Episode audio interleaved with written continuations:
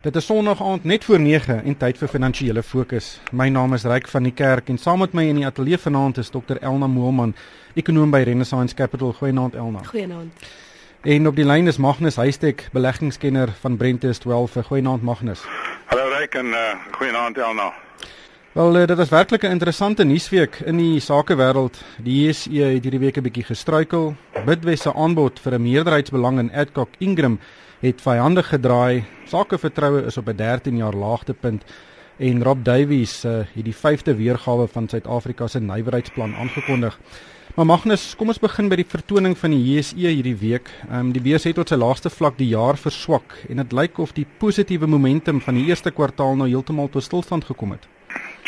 Ja, Ryk, onthou die in die laaste kwartaal van verlede jaar het ons en baie mense gewaarsku dat die beurs is aan die hoë kant. Veral die swaargewig aandele en die kleinhandels uh, reuse in in besonder was was redelik aggressief geprys deur die buitelanders en dit was 'n baie duidelike boodskap van die mark dat dit nie kan aangaan en, en in die eerste kwartaal het dit toe gebeur. Baie van die kleinhandels aandele is af met tussen 'n 10, 15 dalk selfs 20% en en die dit dit trek natuurlik ons beurs af omdat ons indekse, jy weet, uh, gemeet word aan die aan die groot swaar gewigte.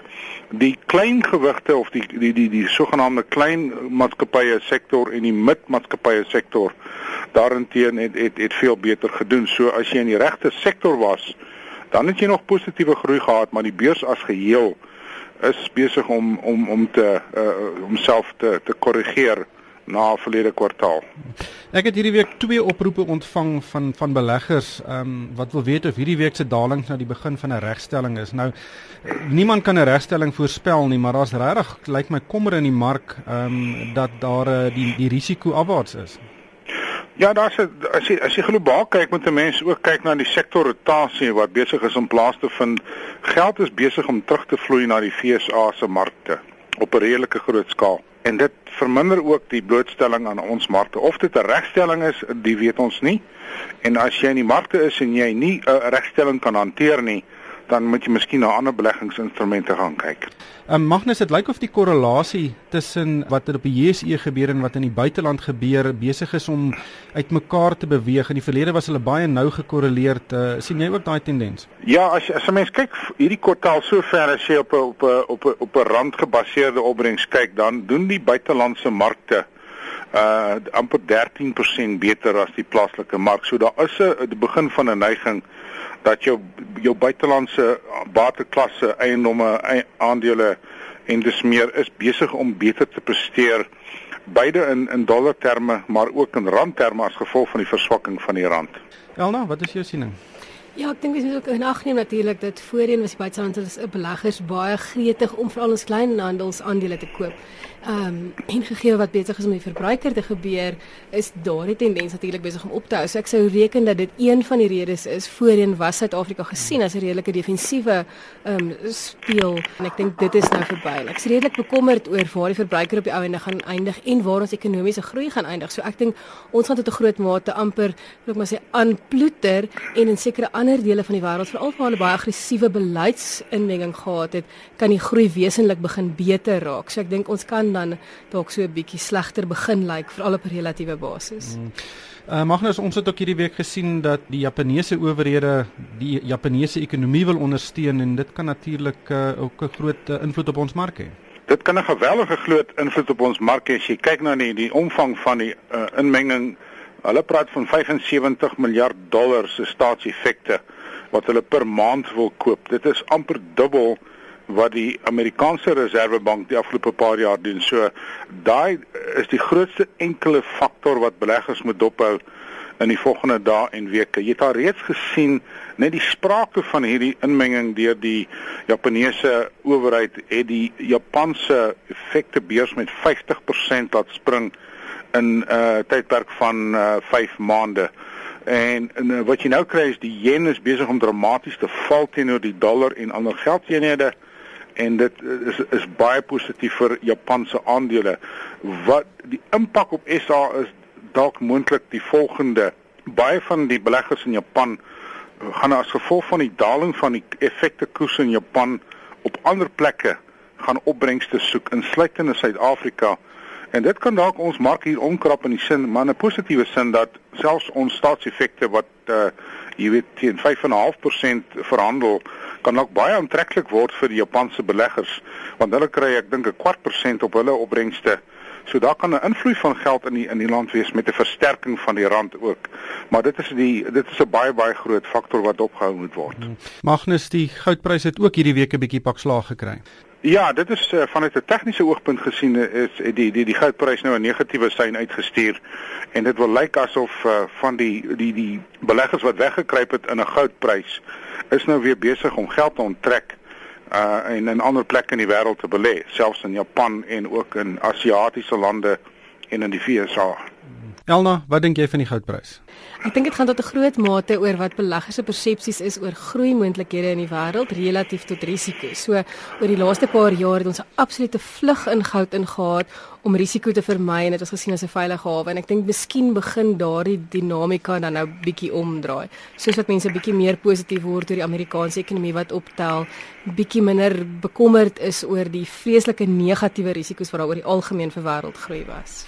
Ek het gesien Thomson Reuters voorspel 'n goudprys aan die einde van die jaar van net bo 1800 dollar. Dink jy hulle is baie optimisties? Ek dink wat interessant sal wees is om te sien wat die verspreiding van daai vooruitskattinge is. So my raaiskoot sou wees, hulle wissel van omtrent 1400, 500 tot dalk bo 2000. Hmm, ons sal maar moet sien.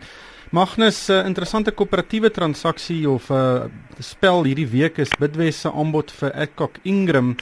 Ehm um, en dit lyk of Adcock Ingram nie dink hierdie toenadering van Bidwest is baie welkom nie. Uh, die Adcock Ingram direksie het hierdie week gesê hy gaan weens tegniese redes nie die aanbod na sy aandeelhouers verwys nie. Ehm um, Brian Joffe van Bidwest het op sy beurt gesê die Adcock direksie praat nonsens en mislei sy aandeelhouers. Uh, Magnus hierdie lyk na 'n lekker vyhandige oorname geveg wat ons gaan sien uh, uitspeel oor die volgende paar weke. Dit kan wees ja, I mean as as Joffe eers op jou spoor is, dan moet jy maar weet hy het sy huiswerk gedoen en hy gaan nie in die oorlog betrokke raak as hy nie al sy ammunisie reg het nie. So dis 'n storie wat wat lank gaan loop en ek sal nie verbaas wees as uh, Duffy jy weet as oorwinnaar uit die stryd uittreë nie. Jy weet ek gaan nou terug in tyd 1988 was Brian Joffy hoof van 'n maatskappy met die naam van W&A Wheel and Ashheim en hy's toe daar redelik brutaal uitgeskop en vir 'n vir 'n maand of 6 het hy nie geweet wat hy gedoen het nie. En toe begin hy met Bidwest met 'n paar van sy sakevennote en vriende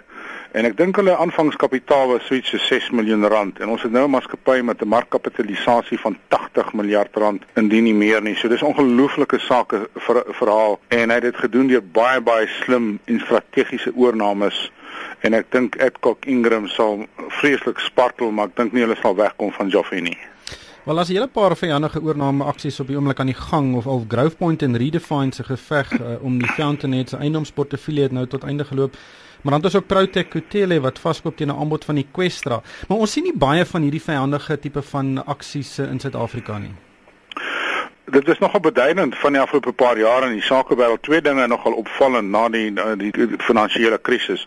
Een was die gebrek aan groot maatskappye wat bankrot gespeel het. Daar was bitter bitter min so die SA se koöperatiewe wêreld het redelik ongedeerd daar uh, uitgekom en die tweede is dis gewoonlik nie 'n vyandige uh veld vir weet oornames en so nie. Meestal word hierdie goed redelik lank voor die spreek en onderling uitgesorteer voordat daar 'n formele aanbod is. So ja, dis dis 'n redelike uh uitsonderling wanneer daar regtig 'n geveg is.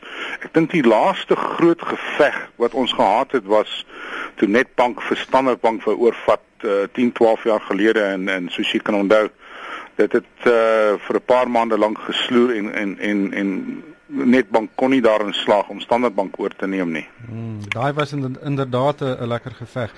Elna sakevertroue, sakevertroue indeks van die Suid-Afrikaanse Kamer van Handel en Nywerheid het hierdie week tot uh, vlakke van geval wat ons in 2000 laas gesien het. Ehm um, Randtak Sebank en die Buro van Ekonomiese Ondersoek se indeks het uh, effens verbeter, maar dit is nog steeds op baie lae vlakke. Weerspieël hierdie peilings volgens jou die markstemming in Suid-Afrika? Ek moet sê as ek een van die twee moes kies, sou ek die Bureau vir Ekonomiese Navorsing vat. Dit is 'n opname wat regtig vir die sakeleiers vra wat is hulle persepsies terwyl die ander een maar net 'n kombinasie van verskeie indikatore is wat hulle dan nou weeg en en 'n indeks saamstel. So die feit dat dit nou net bokant 50 is beteken ons het positiewe ekonomiese groei maar baie baie neutraal. Met ander woorde waarskynlik baie dieselfde as verlede jaar en ek dink dit is waarskynlik wat ons gaan sien. Met ander woorde, daar is nog 'n paar faktore wat die ekonomie ondersteun, ons gaan definitief nie baie sterk groei sien nie. En dan ook in diensname groei gaan nie baie sterk wees nie. So jy praat dan van ekonomiese groei van waarskynlik weer so rondom 2.5 dalk 2.7%. Maar hoe, hoe vergelyk dit met wat in in ander lande aangaan? Ehm um, weet in Suid-Afrika is ons baie emosioneel. Die oomblik as ons 'n negatiewe aanwyser sien, dan is dit amper die einde van die wêreld. Hoe, vergelyk hierdie 2 2.5% uh, 2,7% groei met wat in ander lande gaan gebeur? Ek dink die probleem is dit dit dis dis amper in die middel van twee groepe van gebeure. Met ander woorde in jou ontwikkelde lande. As jy mens dink byvoorbeeld dat in Europa aan die gang is en hoe swak daar die ekonomiese groei is, um, dan lyk dit nie so sleg nie. Maar as sodra jy dit begin vergelyk met jou ander ontluikende lande en veral jou ander Afrika lande, dan is dit baie swak. En natuurlik gegee vir die feit dat ons 'n diens 'n uh, werkloosheidssyfer van 25% plus het, um, beteken dit 2.5% is net nie genoeg nie. So hierdie gaan niks doen aan ons sosio-ekonomiese probleme nie. Hmm. Iemand het hierdie week opgemerk dat uh Suid-Afrika was nog altyd 5 jaar van 'n afgrond af sedert die middel 1980s. So miskien is dit maar net 'n simptoom daarvan. Ehm um, Elna, ek bly by jou. Die nuwe nywerheidsplan het uh, Rob Davies hierdie week aangekondig. Uh daar was nie werklik groot nuus daarin nie, maar uh, groot fokus op aksie, implementering of die inwerkingstelling van bestaande planne. Ehm um, wat was jou indrukke? Ja, ek dink mens moet onthou dis maar 'n 3 jaar rollende plan, so hy dat jy dit elke keer net met nog 'n jaar se data en idees op, so dit dit het dan nou nooit daar 'n groot veranderinge nie. Ek dink implementering bly nog maar 'n probleem. Ek dink daar is sekere aspekte waarin hulle wel positiewe impak op die ekonomie het. En ek dink veral hier in terme van die aankope wat verband hou met die infrastruktuurspandering van die regering. So ek dink daar's 'n baie positiewe dinamika aan die gang. Ehm um, maar ek dink as ons kyk na ons totale mededingendheid en ons sien dit nou natuurlik ook in ons uitvoerprestasie ehm um, of tekort daaraan, dan is dit duidelik ons het 'n groot probleem. Ons het 'n vaardigheidstekort en ons het redelike hoë loonverhogings. Daar was hierdie week 'n opname van Grant Thornton wat gesê het Suid-Afrika verwag meer as 'n kwart van die besighede dat loonverhogings bo inflasie gaan wees en dis omtrent net 15% in in vergelykende ehm um, ekonomieë. So dit maak dit dan nou baie moeilik om kompeterend te wees. So jy het hierdie wonderlike planne en al hierdie idees, maar ek dink ons spreek nie die onderliggende probleme genoeg aan nie. Die plan fokus baie op die industrialisering van ons ekonomie, die veredeling en verwerking van minerale, eh, die ontwikkeling van nuwe uitvoermarkte vir vervaardigers, um, nuwe geleenthede wat mag spruit uit Suid-Afrika se insluiting in die BRICS-lande. Is dit die roete wat die regering moet volg om die ekonomie vinniger te laat groei en die nodige werksgeleenthede te skep? Ek dink jy raak amper aan twee punte daar. So die een is nuwe markte en ek dink daarin doen ons redelik goed. So as mens gaan kyk na die samestelling van ons uitvoere en waarheen dit gaan, dan het dit al dramaties verander oor die laaste 5 na 10 jaar toe en ons trek nou baie meer voordeel uit die groei in vinnig groeiende lande veral in Afrika. So ek dink dit is 'n redelike suksesverhaal. Maar ek dink nog steeds dat as jy kyk na die totale mededingendheid veral van ons vervaardigingssektor, dan kyk 'n mens hier veral na wat in die arbeidsmark aan die gang is. So dis 'n relatiewe moeilike mark. Jy het vaardighede tekorte, jy het redelike hoë loonverhogings en dan kyk jy ook na ander geadministreerde tariewe en ons dink hier veral aan wat Transnet se tariewe en sekere oneffektiwiteite daar. Ek dink dit verbeter, maar dit is nog steeds dan met ander woorde 'n probleem in terme van to totale mededingendheid. So ek dink dit is absoluut waar die fokus nou moet wees. Magnus Die probleem is dat uh, in baie lande in in Europa het as omdat om die wisselkoers stabiel is, uh, kan lande in die eurogebied nie die wisselkoers uh, gebruik om mededingend te wees nie. Derhalwe laat val hulle die uh, pryse van lone in in, in sekere lande het, het lone en salarisse met tot en met 25% geval. Daarenteen styg ons lone nie net vinniger, jy weet, vinniger as inflasie nie so Dit maak ons uiters onmededingend in terme van arbeidsproduktiwiteit. En die enigste aanpassing in my opinie is is dan die wisselkoers en dit is inderdaad wat aan die gang is ook. Hmm. Ehm um, Elna, die die verskywing van ekonomiese groei drywer van verbruiksbesteding na uh, die produktiewe sektor van die ekonomie. Hoe moeilik is dit om dit reg te kry? Ek dink in ons geval is dit redelik moeilik omdat ons nie kompeterend is nie. En Magnus het nou verwys na arbeidseenheidskoste en produktiwiteit en ek dink dis regtig waar ons probleem is. So ek het gaan kyk byvoorbeeld oor die laaste 5 jaar hoe ons vergelyk het relatief tot ander ontleikende markte en dit is absoluut skokkend waar hulle arbeidseenheidskoste met ander woorde jy kyk nou na jou arbeidskoste, jou lone relatief tot produktiwiteit, waar in hulle geval het daai lone aangepaste produktiwiteit sien net maar 2 of 3% gestyg en ons geval vir al in vervaardiging amper 50%. As dit is jou vertrekpunt, dan is dit baie moeilik om om mededingend te wees. So so dit is dan 'n probleem. Ek dink in terme van die totale samestelling van ons ekonomiese groei is my kommer, jy het 'n verbruiker gehad wat baie sterk was na die resessie en veral ondersteun deur fiskale beleid. So redelike sterk regerings en diensname groei loonverhogings ensovoorts en dit is verby. So daai gaan begin afplat en terselfdertyd is dit moeilik om te sien hoe die produktiwiteit produktiewe deel van die ekonomie um baie vinniger gaan groei. So ja, jy het 'n bietjie van 'n voordeel van 'n swakker rand en die res van die wêreldekonomie wat begin optel, maar ek is nie oortuig daarvan dat dit sterk genoeg gaan wees om ons op dieselfde ekonomiese groei vlakke te hou as die verbruiker wat 2/3 van ons BBP is, nie meer so vinnig groei nie. Wel, dis alwaar vir ons tyd het vanaand. Baie dankie aan Elna Moelman van Renaissance Capital en Magnus Huystek van Brentest Wealth. En van my ryk van die kerk baie dankie vir die saamkuier en ek hoop almal het 'n winsgewende week.